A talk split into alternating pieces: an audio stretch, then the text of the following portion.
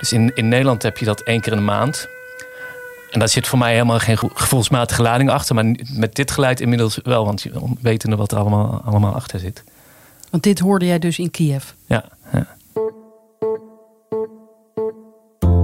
De artikelen van Follow the Money komen niet zomaar uit de lucht vallen. Daar gaat heel wat graafwerk aan vooraf. In deze podcast vertellen auteurs van FTM over hun onderzoek en de achtergronden van hun verhaal. Frederik vraagt door. De podcast van Follow the Money. Peter Teffer en Krijn Schramade, welkom in de podcast. Dank je. Dank je. Het is nu één jaar geleden dat Rusland Oekraïne binnenviel. Uh, in het dossier De Rusland-crisis bij Follow the Money staan inmiddels 82 artikelen. Variërend van jacht op oligarchen, Heineken, die gewoon nog zaken doet in Rusland, blijkt. Tot de economie van Oekraïne. En over dat laatste hebben jullie een stuk geschreven. Krijn, je bent vorig jaar oktober, november ook in Kiev geweest. Daar komen we zo op. Maar eerst het stuk dat jullie net hebben gepubliceerd. Dat gaat over leningen aan Oekraïne. We met de Europese Unie gaan geld lenen. En Peter, uh, dat klinkt uh, best uh, normaal. Maar Amerika gaat geld geven. Van waar dat verschil? Dat hebben we inderdaad uitgezocht. Uh, het is een groot verschil of je nu geld doneert of leent natuurlijk. Want alles wat je leent, dat moet terugbetaald worden. Maar de Europese Unie steekt zo in elkaar dat het niet zo gemakkelijk is om eventjes 18 miljard bij elkaar te sprokkelen om dat uit te lenen aan Oekraïne. 18 miljard is het bedrag dat over 2023 uitgeleend wordt aan Oekraïne om hun eh, begroting mee te financieren. Daar kunnen ze uh, ziekenhuizen mee openhouden, personeel betalen enzovoort. Maar de EU-begroting die er is, die is niet zo flexibel. Um, er kan geen begrotingstekort bestaan, dus dat moet altijd gedekt zijn. En wat ze dus hebben bedacht is om het geld op de financiële markten te lenen en dat vervolgens uit te lenen aan Oekraïne. Dus wij hebben dit zelf ook geleend? De Europese Commissie heeft namens de lidstaten dit geld geleend. Um, dan gaan ze obligaties uit, uh, uitzetten. En vervolgens dat geld doorlenen aan Oekraïne. Kijk, de Europese Commissie, als die leent op de markt, dan hebben mensen daar veel meer vertrouwen in dat het wordt terugbetaald dan Oekraïne op het moment. Dus die kan dat tegen veel gunstiger voorwaarden. Nou ja, dit financiële trucje heeft de Europese Unie eerder uh, uitgevoerd. In 2020 zijn ze daarmee begonnen met het corona-herstelfonds na de lockdowns, die natuurlijk heel veel economische eh, impact hebben gehad, besloten de Europese Unie-leiders om een fonds op te richten van zo'n 700 miljard en dat te financieren met dergelijke leningen. Nou komen we al meteen bij een punt wat een, een van de oorzaken is waarom het geld voor Oekraïne geen gift is geworden, maar een lening. Voor dat corona-herstelfonds is nog niet helemaal duidelijk hoe dat geld ooit terugbetaald gaat worden. Dus de commissie is wel veel geld aan het lenen en dat aan het doorzetten naar de lidstaten. Maar hoe we dat de komende decennia gaan terugbetalen, nou, dat is gewoon nog niet duidelijk. Waarom, waarom eigenlijk niet? Eh, ze, ze besloten om dat, ja, om dat, dat uh, gaandeweg uh, te gaan ontwikkelen. Uh, ze hebben wel bedacht om een plastic tax in te voeren. Dat is volgens mij al een vrij vergevorderd stadium. Maar dat levert lang niet de miljarden op die nodig zijn. Dus er zijn nog andere maatregelen nodig. Onder andere kijk eens naar het emissiehandelssysteem dat Europa heeft. Maar ja, het is gewoon nog niet sluitend. Dit klinkt allemaal heel bureaucratisch. Hè? En Amerika zegt gewoon, ja, dit, dit, daar beginnen we niet aan. Wij, wij geven dit dit en ook nog veel meer. Het dubbele van wat wij geven als het niet meer is. Ja, de, de Amerikaanse regering leent natuurlijk als land. De VS is één land. En uh, Europa is nog steeds uh, een. Uh, ja, het is wel een unie, maar niet het is een unie, maar het 27 aparte lidstaten. En voor elke verhoging van de EU-begroting is bijvoorbeeld instemming nodig van alle parlementen. En Amerika geeft inderdaad wel meer, maar qua geld geeft Europa meer. Is dat zo? Wij geven 18 miljard en zij geven. Nou, uiteindelijk is het 8, 30 miljard vanaf vorig jaar. En de VS uit mijn hoofd. Uh, ik, heb, ik heb die cijfers nu niet bij me, maar dat is wel minder. En uiteindelijk geven ze wel in totaal wel meer. Dan is het financiële hulp, humanitaire hulp en militaire hulp. Ja, militair loopt de VS enorm, enorm, enorm voor. Dus er gaan enorme ladingen munitie, wapens naar, eh, naar Oekraïne toe. En Europa hobbelt daar wat achteraan door individuele donaties van wapens en, en, en geld en humanitaire hulp. Maar een flinke map met geld komt nu dus in de vorm van leningen ook naar Oekraïne. En daarmee halen ze de VS een beetje in. Maar sinds december heeft, heeft de VS weer tientallen miljarden extra beloofd. Dus uh, lopen ze weer enorm uit. En nou hebben jullie inderdaad uitgezocht waarom uh, lenen we dat en geven we dat niet. En jullie probeerden een antwoord op de vraag te vinden: gaat dit inderdaad ooit, gaan die leningen ooit afbetaald worden? En het antwoord is, geloof ik, nee. Hè?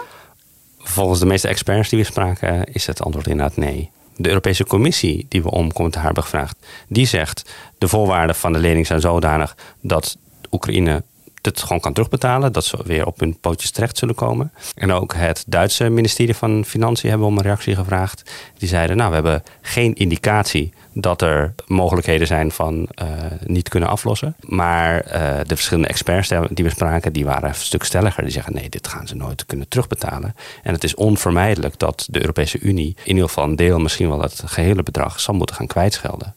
En houden de politici in Europa daar dan ook al rekening mee? Dat zeggen ze niet publiekelijk natuurlijk. Het Nederlands ministerie van Financiën die zegt dus wel er is een reëel risico. En dat zou dan voor Nederland op ongeveer een miljard uitkomen. Uh, dus ja, ze houden er rekening mee.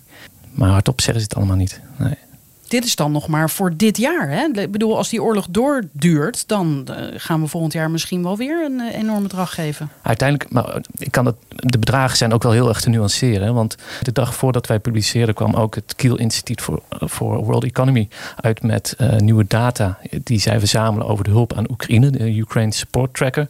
Daarin vergeleken ze ook dit geld met bijvoorbeeld het corona-herstelfonds en, en eerdere militaire inspanningen en economische kosten van de oorlog uh, met, met bijvoorbeeld en allerlei steunpakketten. En, en dit is eigenlijk nog gewoon peanuts in vergelijking met uh, wat er toen allemaal is gegeven. En ook wat individuele landen nu uitgeven voor uh, koopkrachtcompensatie. Dus het zijn tientallen miljarden inderdaad. Maar als je het gaat vergelijken met, met andere hulpprogramma's, dan is het uiteindelijk niet eens zo heel veel. Ik moest ook denken aan Griekenland, want daar hebben we ook ooit uh, geld aan geleend, toch? Dat was de eerste gedachte. In aanloop naar uh, mijn reis naar Oekraïne had ik al contact met Peter, want uh, Erik die zei nou, dit bevat een groot component EU-steun, dus neem contact op met bureau Brussel. En dat zei Erik Smit, de ja. hoofdredacteur. En, een van de Exact. En die, uh, die, die verwees me dus naar Peter. En dus daar, toen begon dat gesprek al tussen ons tweeën. En uiteindelijk in Oekraïne heb ik nog met hem overlegd. En uh, toen kwam ik terug. En was uiteindelijk mijn eerste aanleiding van het onderzoek. Eerst was het nog de vraag of überhaupt Oekraïne wel geld zou krijgen. Hè? Want het was onduidelijk. Er was heel veel gesteggel uh, binnen de Europese Unie. Of, of die 18 miljard of überhaupt iets zou komen. En is er uiteindelijk een soort van lening als compromis uitgekomen. Maar dat was eerst nog heel erg de vraag of ze überhaupt geld zouden krijgen. En dat was een van mijn aanleidingen om naar Oekraïne te gaan. Van ja, hoe lang gaan jullie dat volhouden als jullie geen geld meer krijgen? Dus die angel ging er een beetje uit. Maar ja, die doorontwikkeling zat hem dus in die, in die uh, leningen. Ja, en toen, was, toen, toen zaten we hier met, met, met, volgens mij met een tosti. En, uh, we zaten hier met een tosti. Ja, ja toen kon dat nog, want dat apparaat is inmiddels zorgt voor kortsluiting in het pand, hè? Klopt, ja. Oh, jee, en dit oh, even geel terzijde, maar dan weet de luisteraar dat maar, ook. Maar toen, was, uh, toen, toen spraken we daar zo over door. Van ja, wat, wat, wat kunnen we hier nou nog mee? En, en, en het ging dus heel erg over die leningen. En ja, de, de associatie met Griekenland was natuurlijk vrij duidelijk. Ja. Maar toen vroeg ik me af, Peter, en dat heb jij natuurlijk allemaal paraat. Hoe gaat dat met die leningen aan Griekenland? Zijn die dan al terugbetaald? Ja, uh, even spoiler alert voor de luisteraar natuurlijk. Heeft Rick van het Voort even gevraagd. En ik heb het opgezocht. Um, het meest uh, recente rapport van de commissie hierover.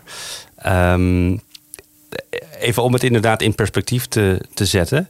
Griekenland heeft echt een bedrag van Even kijken hoor, 130 miljard plus 60 miljard. Nou echt, dat zit in, boven de 200 miljard wat aan Griekenland is geleend om, uh, om er weer bovenop te komen. Vorig jaar in december 2022 heeft Griekenland uh, eh, 2,6 miljard terugbetaald. En dat ging eerder dan verwacht, oh. dan gepland. En het gaat eigenlijk best goed economisch met Griekenland, uh, beter dan verwacht.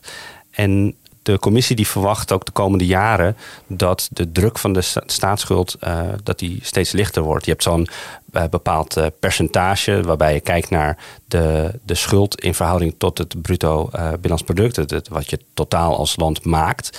Ehm, misschien dat, dat luisteraars dat percentage wel eens hier en daar hebben gehoord. Voor Europa geldt maximum 60% is eigenlijk aan te bevelen. Veel landen gaan er overheen overigens. Griekenland zat op zo'n 200 procent. Maar dat, dat is al uh, in de afgelopen jaren omlaag aan het gaan. En uh, over zo'n 10 jaar zal dat de, net boven de 100 procent nog maar zijn. Dus het gaat echt de goede kant op. Het is niet uitgesloten dat uh, Jan Kees de Jager, die destijds minister van Financiën was, gelijk gaat krijgen toen hij zei: Griekenland gaat dat geld gewoon terugbetalen. Wat heel veel commentatoren destijds natuurlijk zeiden als nee, we geloven niks van. Dat was toen een grote heisa van we, we geven dit weg en aan die, die Grieken en eh, de, de, grote woede ook en, en wantrouwen, groot wantrouwen. Maar nu blijkt dat vooralsnog behoorlijk goed te gaan dus. Op het moment heeft Griekenland 8 miljard terugbetaald uh, en dat is, dat is nog op schema. Ja. Oké, dus de, dat. Van de 200 miljard, hè? Ja. Nee, ja, het dus is wel... maar, maar we hebben het dus ook inderdaad over decennia dat ze de tijd hebben om dat terug te betalen. Ja, oké, dit is de, de lening die er uh, dus toch is gekomen uh, voor dit jaar. En tegelijkertijd, uh, of nou ja, dat heeft natuurlijk te maken met de, de Oekraïne gaat het gebruiken voor de eigen economie. En jij wilde ook weten, jullie allebei, hoe gaat het met de economie daar? Ja, die is, daar is ongeveer een derde van af. En dan moet je vooral denken aan de enorme productiecapaciteit die ze hadden uh, en nog steeds voor een deel wel hebben in de productie van, uh, van graan en staal. Dat waren echt de grote verdiensten van het land. daarnaast had je ook wel een behoorlijke goede ICT-sector. En eigenlijk een van de sectoren die, die niet is gekrompen, dat is de ICT-sector. Dus op zich ook wel uh, redelijk logisch, want je kunt gewoon je, je laptopje oppakken en, uh, en, en, en, naar het westen van het land verhuizen. Maar het is een beetje simpel gezegd natuurlijk. Maar bijvoorbeeld, ja, de graanproductie vindt gewoon ergens plaats. En dat is nu bijvoorbeeld bezet. Of de, de havens zijn geblokkeerd, zijn mijnen ingelegd. Of de haven van Odessa, die wordt, uh, wordt gebombardeerd. Uh, dus daar, ja, dat, dat, dat is gewoon heel, heel, is gewoon een derde vanaf. Jij ging daar naartoe en hoe gaat zoiets? Je besloot te gaan. Ja, nou ja, het, het, het, uh, in de zomer had, was, ging een van mijn verhalen over de uh, militair-economische uitputtingsslag tussen Rusland en, en Oekraïne. En een onderdeel daarvan was natuurlijk de economie van, van Oekraïne. En, en ja, ik kon daar gewoon nog niet zoveel over kwijt in één zo'n verhaal. Toen dacht ik, ja, ik, om daar echt iets over te kunnen zeggen en over te schrijven, moet ik daar naartoe. En dus dat, dat idee is in mijn hoofd gaan, gaan zitten en is gaan groeien. En uh, inhoudelijk heel uitgebreid voorbereid. Ook uh, meer op de militaire kant, op economie, op corruptiebestrijding, hervormingen. En, en, en een plan voorgelegd aan, aan Erik. En hij zei, nou, doe hier nog wat onderzoek. Nou, pak dit nog even wat anders aan. Kijk hier naar. Hou de actualiteit in de gaten. Hou in de gaten dat, dat ontwikkelingen zullen zijn of kunnen zijn. Waardoor, of, en is dit dan nog wel relevant? Nou ja, dat, was dus met uh, dat gat in de begroting. Dat dus uiteindelijk wel werd gevuld met, met leningen. Dus dat deel was weg. Maar uh, uiteindelijk uh, ja, wel een verhaal kunnen schrijven over de economie. En over later over de militaire hulp. En nu dus over de financiële hulp. Maar is het toch wel relevant? En is het wel veilig genoeg? Ja, nou, dat, uh, dat is van buitenaf lastiger in te schatten dan ter plekke. Toen ik het bedacht om te gaan, stond het er qua veiligheid wel beter voor dan dat, toen ik daadwerkelijk vertrok. Omdat toen, uh, ik, ik, ik, was hier nog te vrij. Ik, even kijken hoor. Ik zou vertrekken op 12 oktober. Vliegen naar Krakau en dan de trein naar de, in Polen. Dan met de trein naar de grens van Polen en Oekraïne. En daar dan een trein pakken van 10 uur. Dus flink is ongeveer anderhalve dag reizen. Maar dag voor vertrek begon net de eerste uh, grootschalige luchtaanval op Kiev en, en, en de rest van Oekraïne. Nadat Oekraïne in, in september en daarvoor met offensieven grote delen van Oekraïne heeft bevrijd op de Russen. En een beetje als een soort eh, reactie, wanhoop-reactie, zijn, uh, zijn de Russische raketten neergekomen op energieinfrastructuur en burgerdoelen. En, en dat begon dus op 11 oktober, terwijl ik dus op 12 oktober zou vertrekken. En net die vrijdag daarvoor had ik hier tegen Arne gezegd. Die vroeg nog van, ja, is het wel veilig, uh, Kiev en zo? Ik zei, oh ja joh, die, die luchtverdediging is prima op orde. Uh, nou, dat is dus de inschatting van mij, terwijl ik het dossier heel goed volg en mensen erover spreek. En in ieder geval, de luchtverdediging van Kiev is wel gewoon het best geregeld. Omdat daar, uh, ja, de regering zit daar, er wonen, voor de oorlog wonen daar 3 à 4 miljoen mensen. Veel economische activiteit ook. Alleen ze hebben, de Russen hebben toen zoveel raketten en drones tegelijk uh, steeds afgevuurd, waardoor gewoon uh, de hele luchtverdediging werd overweldigd. En, uh, maar je bent toch gegaan? Ja, ja ik, ben, ik heb met Peter Tervelde, oud oorlogsverslaggever, overlegd. Hij is nu coördinator vanuit de NVA en doet ook voor de NOS, begeleidt hij de mensen daar. En ja, gevraagd van ja, hoe, hoe schat jij het in? En hij zei van ja, het, uh, het, worden hete dagen en uh, verder kun je er nog niet zo heel veel van, van zeggen. Maar nog goed over nagedacht. Ik moest voor mijn persaccreditatie sowieso al een helm en een scherfvest meenemen. Dus dat, dat was al wel geregeld. Toen uiteindelijk besloten om gewoon te gaan. En uh, ook, ook, vanwege juist die lange reistijd. In, ik kon gewoon in Krakau nog even nadenken van... Hey, hoe, hoe staat het ervoor overleggen met mijn bronnen en met, met Peter de Velde. En ik ben daar uiteindelijk twee nachten langer gebleven om het aan te zien. En na een tijdje was het wel duidelijk, nou, het is nu even rustig. Toen kreeg ik ook het seintje van Peter, ja, je kunt, je kunt het land in. En waar ging je toen naartoe? Um, naar Kiev, de hoofdstad. En uh, met de trein dus. Uh, ja, maar ik bedoel in Kiev. Waar, waar had je iets geregeld? Of? In eerste instantie had ik een, en dat was nog in het eerste scenario, gewoon een Airbnb in midden in het centrum voor 15 euro of zo. en, maar ja, ik kreeg toen toch wel het advies van, van onder meer Peter de Velde om, uh, om een hotel te nemen met schuilkelder. En uh, ja, dat, dat wel iets, iets, iets duurder, maar het was wel wat, uh, wat veiliger. Ja. En dan kom je daar aan en dan zeg je: Hallo, ik ben journalist, ik werk voor Follow the Money, kom een verhaal maken. En, of, of zeg je dat juist niet? Jawel, nou, ik, ik, ik, ja, ik zeg dat wel. Ja, ik, ik loop door de stad en ik, ik, ik zeg het dan natuurlijk niet. Maar ik, ik, ja, ik ga ergens zitten en ik ga notities maken. Maar verder is het ook gewoon een stad. Hè. Het, het leven gaat, gaat daar door, behalve dan de, de avondklok. Die avondklok gaat om 11 uur in. En dan vanaf een uurtje of negen gaan, gaan de restaurants en de barren, barretjes gaan dicht. Maar daarvoor gaat het, gaat het leven gewoon door. Ja, dat was ik even vergeten. Had jij dat ook, Peter, als jij contact had met Krijn? Dat je dacht van, waar zou die zijn? Hoe zou het eruit zien? Of, of kijk jij daar ook vrij nuchter tegenaan? Van ja, het leven gaat gewoon door, maar er is toevallig oorlog. Nou, ik uh, had hem wel een lijn en ik dacht wel, uh, doe je wel voorzichtig en, uh, en, en schat je het wel goed in allemaal. We, kenden, we hadden elkaar nog niet ontmoet in levende lijven voordat ik naar Oekraïne ging. Maar ik dacht wel, ja, die veiligheid is toch wel het belangrijkste waar je aan moet denken. maar ik kreeg wel de indruk dat hij dat, dat, hij dat deed. Ja, en het zijn heel rationeel bezien. Het is ook een soort kansbreking. Het is een heel groot land. Je kunt heel veel raketten op afvuren. Zelfs op de main targets zoals Kiev. Zelfs daar, ja, ik hoorde dan ook van mensen daar, ja, waarom ga je dan nog de straat op? Uh, ja, nou ja, de kans is net zo groot om om te komen met een auto-ongeluk hier. Het verkeer is hier uh, ook gewoon uh, hartstikke gek. Dus dat is ook wel typisch hoe ze dat nu doen. Dat ze het een beetje met, met grapjes ook wel een beetje, een beetje bagatelliseren. Ja, dat moet wel natuurlijk. Een beetje relativeren. En dat is ook, maar het zijn ook steeds afwegingen die, die vooraf had ik bepaalde afwegingen en ter plekke had ik ook afwegingen en ik was geïnstrueerd. Nou, ga naar uh, de schuilkelder als het luchtalarm afgaat. En uh, heel veel mensen deden dat al in, in Kiev ook al niet meer journalisten ook niet. En toen kwam opeens dus die grootschalige golven met luchtaanvallen. En toen werd dat wel weer meer maar ja ik zelf ook. Ik had de eerste avond kwam ik daar aan uh, een paar biertjes gedronken met, met andere hotelgasten. Alle hele interessante gasten die je dan dus ziet uh, in zo'n in zo'n hotel. Ja, wat voor gasten dan? Uh, nou ja, de, voor die luchtaanvallen zat het hotel nog vol met conferentiegasten. En ja, het is een heel groot hotel, maar het zat niet helemaal vol. Maar toen met iets van 140 kamers gevuld. Maar na die aanvallen iets van 20 à 40. Ja, dat zijn dan mensen die daar moeten zijn voor. Dat, dat waren gewoon mensen die naar het front gingen. Of die uh, allemaal internationale gasten van die, van die grote mannen met grote bovenarmen, met, met baarden. Die kwamen meevechten? Nou, die gingen trainingen geven en, okay. uh, dat soort zaken.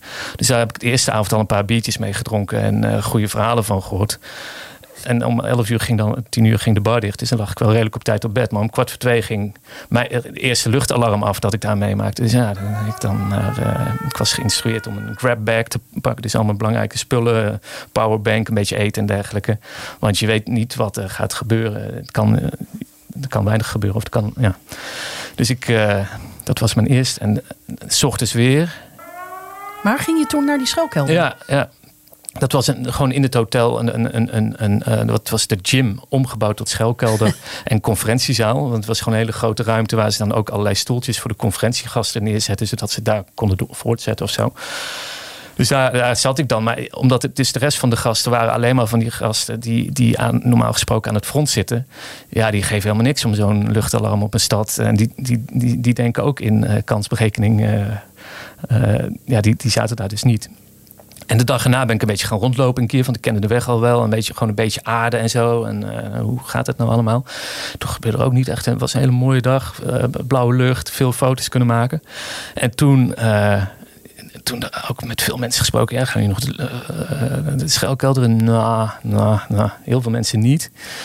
En toen dacht ik ook, ja, als ik hier, ik, ik wil hier wel mijn verhalen maken. En als ik nou net zoals afgelopen nacht steeds weer uh, de schuilkelderen moet, dacht nou, ik, ik zet vannacht zet ik gewoon mijn telefoon uit. Want daar gaat dan, had ik een app op zitten. En dus die, die, dat gaat dan af. En uh, ik dacht, ja, ik zet het gewoon uit, want ik, heb, ik zie het wel voor me. Want dan heb ik gewoon geen nachtrust, die tijd dat ik hier ben. Nou ja, ik, en toen, s ochtends om een uurtje of zes, ik weet niet, toen werd ik gewekt door explosies. En dat was dan de tweede aanvalsgolf, dus dat was 17 oktober. Ja, nou ja, toen, toen ben ik dus snel uh, wel naar beneden gegaan. En toen, toen hoorde ik ook uh, die, die kamikaze-drones. Het geluid, nee, sommigen noemen het gasmaaiers, anderen noemen het geluid van brommers. Dus dat, dat is echt heel, heel hard geluid. Ja, dat hoorde gewoon ook door, door de ramen heen. En toen dacht ik, ja, ik moet wel uh, naar beneden. En die, ja, die hele dag ging het luchtalarm aan, uit, heel lang. En uiteindelijk, ik, had, ik, ik heb het allemaal een beetje op, vooral de eerste weken opgeschreven in mijn notitieboekje. En ik heb het ja, dat heb je hier voor je liggen. Even, even voor mezelf nog even op een rijtje gezet van wanneer, waren die, wanneer heb ik daar allemaal gezeten. En ik, zag ik de eerste twee weken was er één dag zonder luchtalarm. Dus elke dag ongeveer drie keer. En ja, sommige dagen was het een, echt gewoon een werkdag. En het is acht à negen uur lang in uh, dat het luchtalarm afging maar na een tijdje heb ik dus ook gewoon, ja, s'nachts ben ik gewoon, uh, heb ik telefoon uitgezet, gewoon uh, slapen. Na, na een tijdje. Kunnen... En dat zijn die afwegingen. Ja, die... dat begrijp ik. Maar, maar nu vraag ik me wel af, hoe, hoe heb jij dat verhaal kunnen maken? Hoe heb je kunnen werken? Uh, dat heb ik, ik, ik wilde dat eigenlijk vooral heel graag al daar doen dus in het eerste scenario dat het, dat het nog relatief rustig was, had ik al wel ingecalculeerd. Nou ja, stel het, het, het, wordt een beetje moeilijk, laat ik een week extra nemen, zodat ik daar ook kan schrijven dat het verhaal niet wegloopt en zo. Maar uh, ja, toen het dus allemaal wat intenser werd, daar uh, heb ik het in mijn hoofd gehaald om, ja, nu gebeurt het, dus nu is, moet ja, nu, juist nu moet ik ook gaan schrijven. Maar daar heb ik mezelf ook wel een beetje moeilijk mee gemaakt. Je hebt toch ook heel erg last van elektriciteitstoegang? Ja, en, ja, ja, dus uh, internet was ja, vaak wel lastig. Verwarming was, uh, was al heel gauw uit. En uh, elektriciteit was lastig. Dus dan zat ik wel een beetje, bijvoorbeeld een beetje te tikken in mijn, op mijn hotelkamer. Maar dat was dan een plek waar ik wel internet had, maar geen verwarming. En dan ging bijvoorbeeld het luchtalarm af. En dan dacht ik, ja, Oké, okay, dan ga ik wel een beetje tikken in, in die schuilkelder. Waar het wel warm was, maar waar het internet weer heel slecht was. En een andere keer zat ik ergens in een koffietentje in het centrum. Uh, een beetje uh, mensen te benaderen. Inderdaad van, oh, ik ben uh, Krijn. gaat het nog lukken met die afspraak? Die heel vaak werden afgezegd vanwege luchtalarm en de dreiging. Maar toen zat ik daar en het had een goede koffie, het was warm. En toen ging ook het luchtalarm af. En dat was, dat was ook zo'n afweging. Ja, ga ik nu... Oké, ga ik nu naar een schuilkelder of blijf ik hier zitten? Want ja, het was wel gewoon half ondergronds. dacht ik, nou ja, ja, ik kan nu beter niet op straat. Veilig, ja, ja, ik kan nu beter hier blijven dan straat op gaan.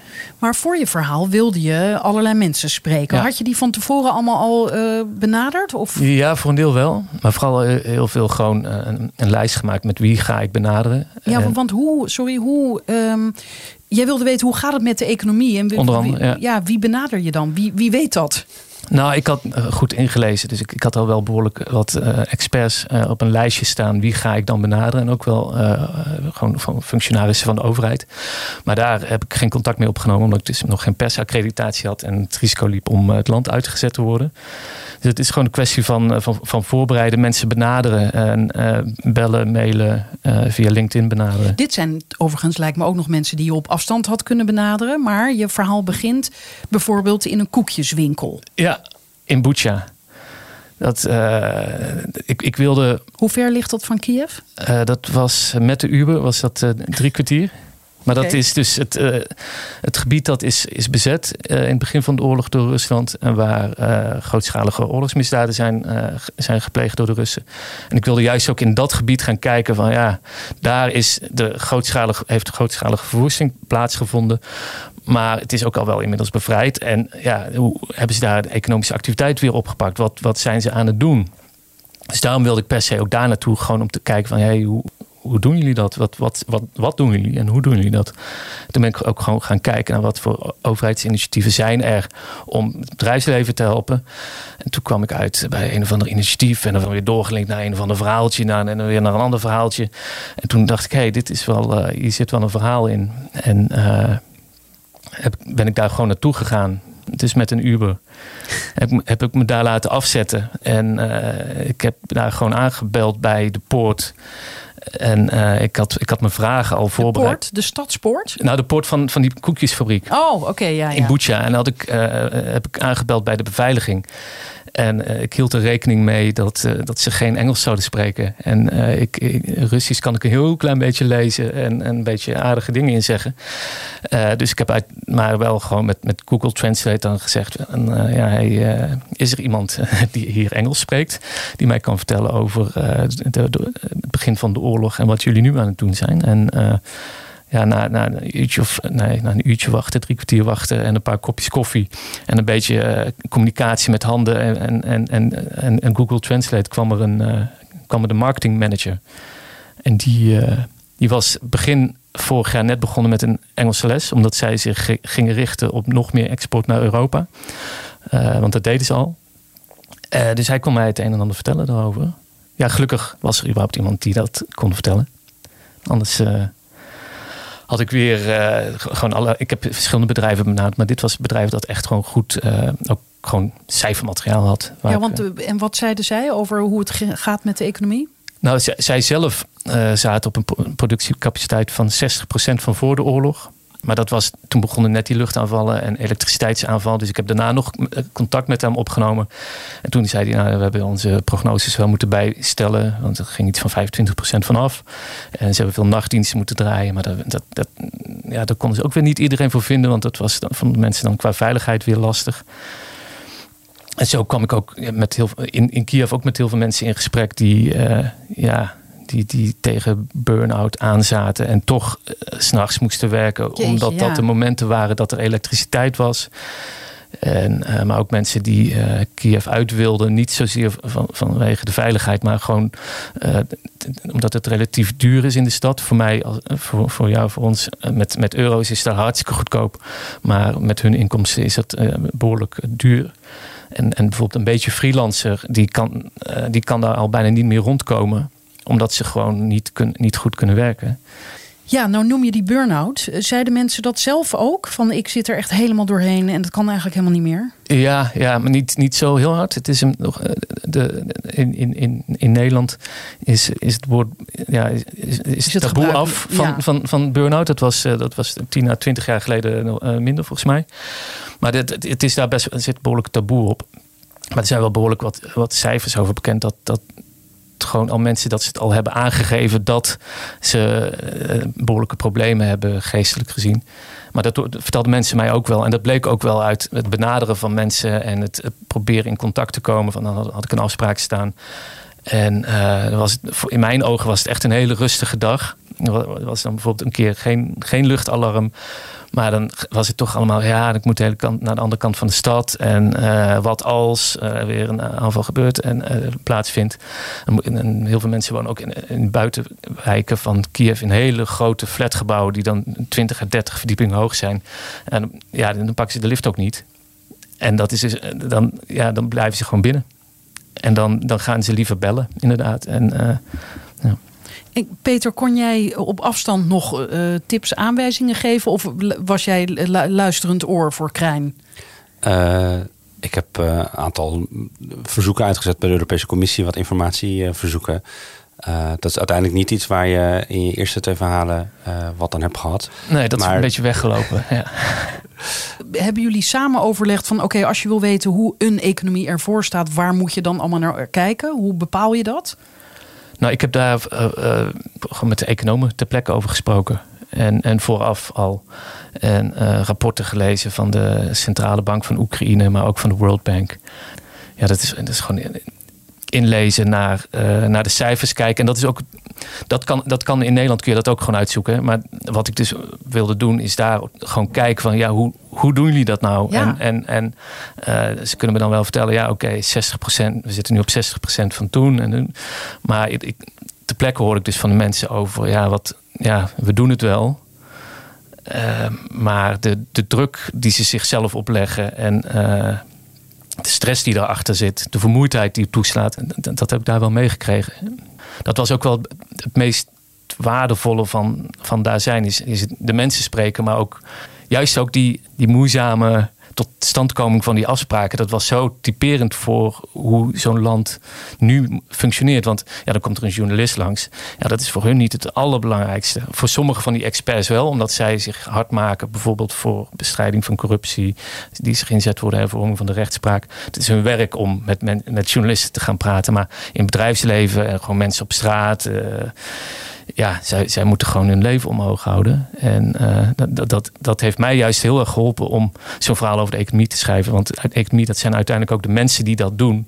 Dat is ook het doel geweest, mag je aannemen, van, van Poetin om uh, vanaf oktober grootschalig de energievoorziening proberen uit te schakelen. Dat is om gewoon om, die, om het moraal te breken. Ja, vanaf dat ik daar was, ging letterlijk het licht uit. En zag ik ook wel bij mensen wel, wel een beetje, ook wel een beetje persoonlijk wel wat barsjes ontstaan. Jij noemt dat in jouw stuk het Syrië-scenario. Ja, dat, dat is wel wat ze natuurlijk voor ogen hadden. Uh, maar ik moest toen even schakelen als lezer hoor. Ik dacht van hoezo Syrië-scenario? Daar heeft Rusland op verzoek van Assad ook uh, hele steden, waaronder uh, Homs en Aleppo, met grond gelijk gemaakt. Zoals ook in eind jaren 90, begin uh, jaren 0, Poetin ook heeft gedaan met uh, Grozny in uh, Tsjetsjenië. Gewoon de stad helemaal met de grond gelijk maken. Het verschil nu met, met Oekraïne is dat Oekraïne al wel wat luchtafweer geschud had. En dat ze dus niet echt met gevechtsvliegtuigen gewoon met de vrije hand boven dat gebied hebben. Dat lukte dus wel in Syrië. Maar ja, dat was tegen rebellen en niet tegen een, een, een al redelijk getraind Oekraïns leger met strijdkrachten, met, met steeds meer westerse wapens. Dus dat is het grote verschil geweest. Dus persoonlijk zag ik mensen wel breken, maar als groep heeft het ze ook weer sterker gemaakt. Want na alle andere verschrikkingen in onder andere Bucha en alle andere plekken waar, waar sprake is van marteling, verkrachting, moord.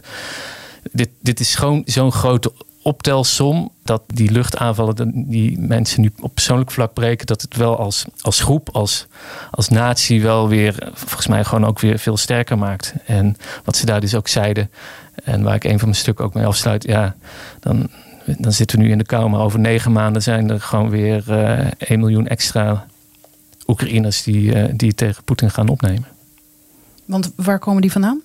Nou ja, het, het, wordt koud. En dan. Uh, Gaan ze dat kinderen zie, maken? Dat zie je wel eens. Ja, dat, dat uh, gebeurt wel Bedoelden ze dat? Ja, ja, ja. ja, ja maar ik, die, baby's kunnen niet direct. De nee, maar dat is dan ook een beetje de. de ja, ja, de, bij wijze van spreken. Ja. Ehm, het feit dat de Europese Unie nu inderdaad gaat lenen, eh, wat zegt dat over, eh, over ons in Europa? Zijn we nu pas echt overtuigd dat we moeten helpen? Is dat daar het teken van? Nou ja, je ziet wel dat de oorlog natuurlijk heel veel heeft veranderd in de Europese Unie. Veel dingen die al wel gesignaleerd waren, bijvoorbeeld sinds 2014, die zijn nu pas echt in een stroomversnelling geraakt. Hè. Gezamenlijke energiepolitiek beter aanpakken, militaire steun verlenen. Dat was een, was een taboe. Hè. Europa is begonnen als vredesproject. Dus natuurlijk, ja, die oorlog heeft heel veel veranderd. Bijvoorbeeld bij Oekraïne is natuurlijk ook hun kandidaatlidmaatschap dat heel snel aan hen is gegund. Dat is vorig jaar gebeurd, hè? Dat is vorig jaar gebeurd. Eh, Zelensky heeft dat ongeveer, voor mij was het vier dagen na de inval, heeft hij dat aangevraagd. En dat is toen na drieënhalve maand of zo, is dat eh, toegekend. Eh, ook aan Moldavië trouwens. En Dus ze zijn officieel kandidaat. ze zijn officieel kandidaatlidstaat. en eh, hoe lang duurt het dan voordat ze daadwerkelijk... Dat kan jaren duren. Dat kan je- jaren duren. Ik bedoel, ehm, eh, Turkije is al sinds, even spieken, 1999 kandidaatlid en uh, sinds 2005 zijn er onderhandelingen. Albanië is sinds 2014 kandidaat. Dus het is geen garantie dat dat uh, überhaupt. Uh, er, is, er is geen deadline voor. Dus dat kan heel lang duren. Maar het kan ook heel kort duren. Er stond in de Volkskrant pas geleden een, een verhaal van de Brussel-correspondent die meereisde met de commissie naar Oekraïne. En daarin vertelt hij van een ambtenaar die zegt: Oké, het gaat niet binnen een paar jaar duren. Maar de mensen die denken binnen tien jaar, die leven in de vorige eeuw. Want het gaat echt heel snel. En Oekraïne wil ook echt heel graag. En doet ook meer zijn best dan andere lidstaten of kandidaat-lidstaten. Omdat ze die noodzaak natuurlijk ook gewoon hebben. En hebben wij nu ook een grote, nog grotere noodzaak omdat we geld lenen? Nou, zoals al gezegd, die 18 miljard of 30 miljard als je het totaal neemt, dat is natuurlijk een een schijntje. Uh, relatief gezien uh, doet, dat er, uh, doet het er niet toe of, of Oekraïne dan lid is of niet. Je zou kunnen zeggen dat wanneer ze lid zijn, dan maken ze natuurlijk aanspraak op heel veel EU-fondsen. En dat zou ze wel weer kunnen helpen. maar ik denk niet dat dat echt kunnen helpen om de economie financieel. ja. Kijk, Europa heeft bijvoorbeeld cohesiefondsen, heet dat. Dat is bedoeld om de armste regio's te helpen. landbouwfondsen. Nou ja, eh, als Oekraïne erbij zou komen, eh, dan, is het, dan heeft ze de armste regio's eh, en veel boeren die, die steun zouden krijgen uit de Europese begroting. Ja, en die steun voor die boeren zal wel nodig zijn. Je noemde eerder al hè, de graanproductie, die een grote klap heeft gekregen. Mhm. En wat je ook schrijft in je stuk, is dat je noemde het net al even van andere, bijvoorbeeld de ICT-bedrijven, die kunnen hun laptop oppakken en verhuizen.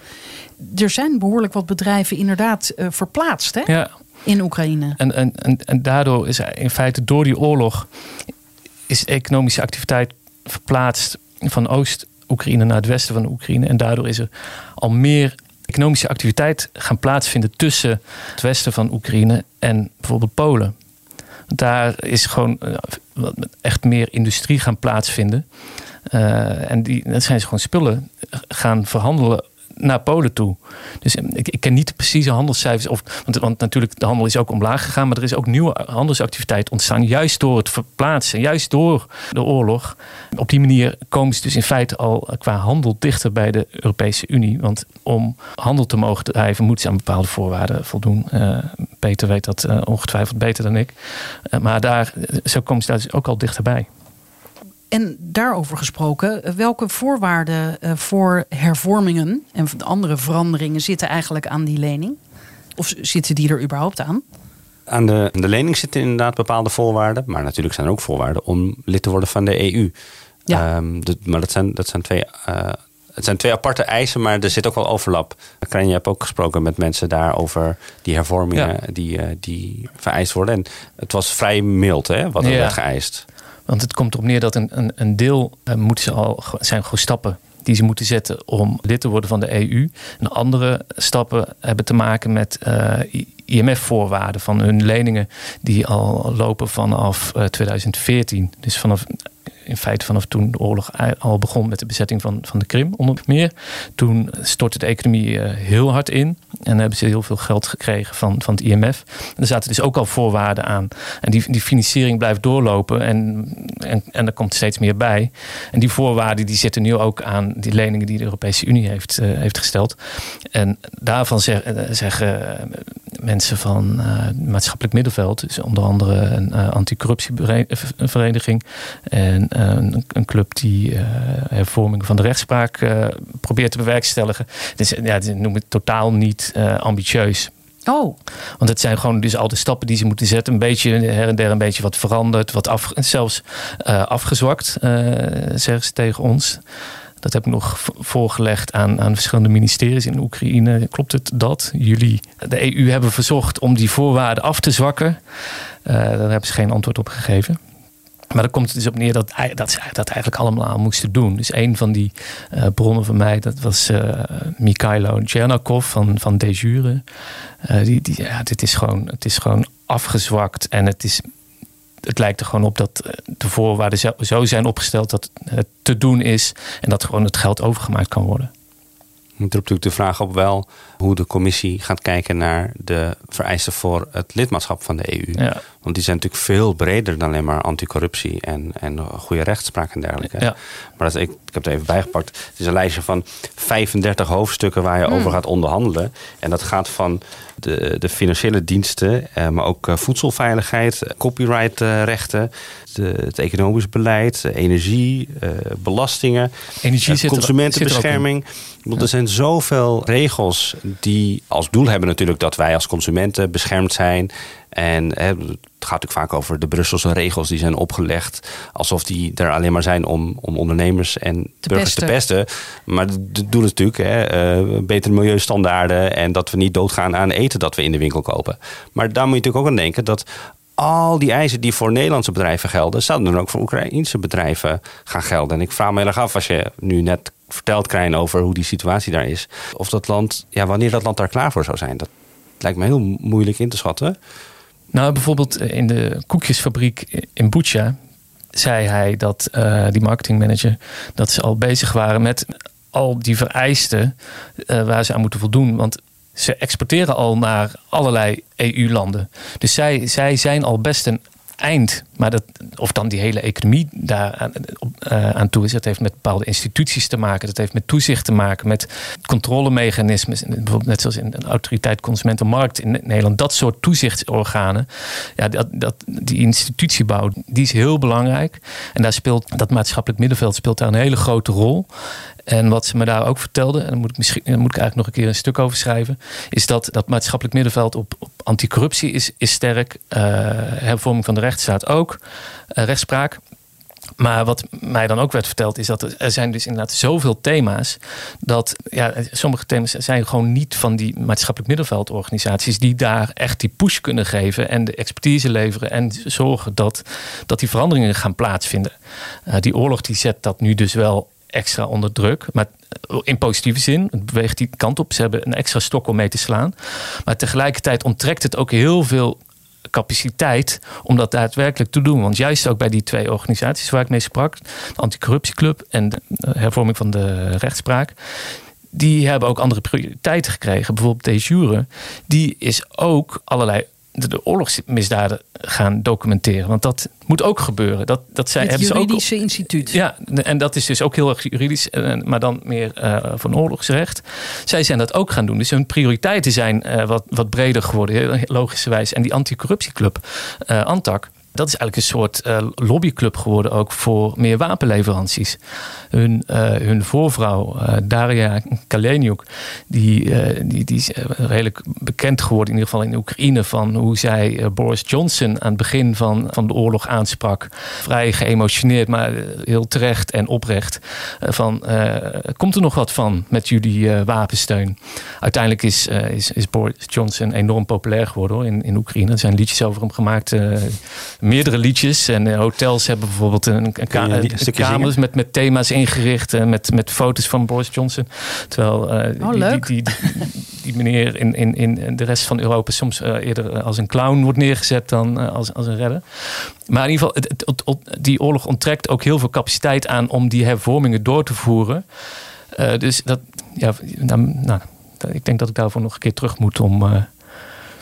Om dat eens wat beter eh, onder de loep te nemen. Ja, doe dat. Want dan komt daar weer zo'n eh, goed stuk uit. En misschien ook weer een samenwerking tussen jullie. Want volgens mij, als ik het zo kan beoordelen, is dat ook heel goed gegaan. Nee, ben je gek? Ja, nee, was hartstikke, ging hartstikke goed, ja. Maar dat, het werkte zo goed ook. Want, want Peter, die weet gewoon precies hoe dat zit met eh, de voorgeschiedenis. Van hoe gaat dat politiek met dat geld bij elkaar krijgen, met die leningen eerder.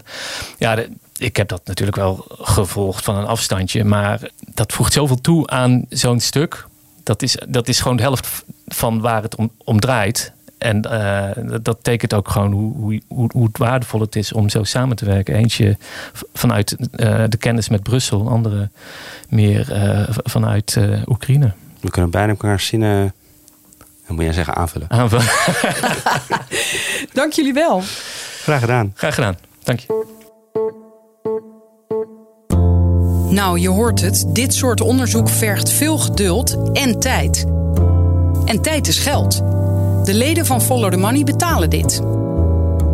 Ook lid worden? Ga naar ftm.nl.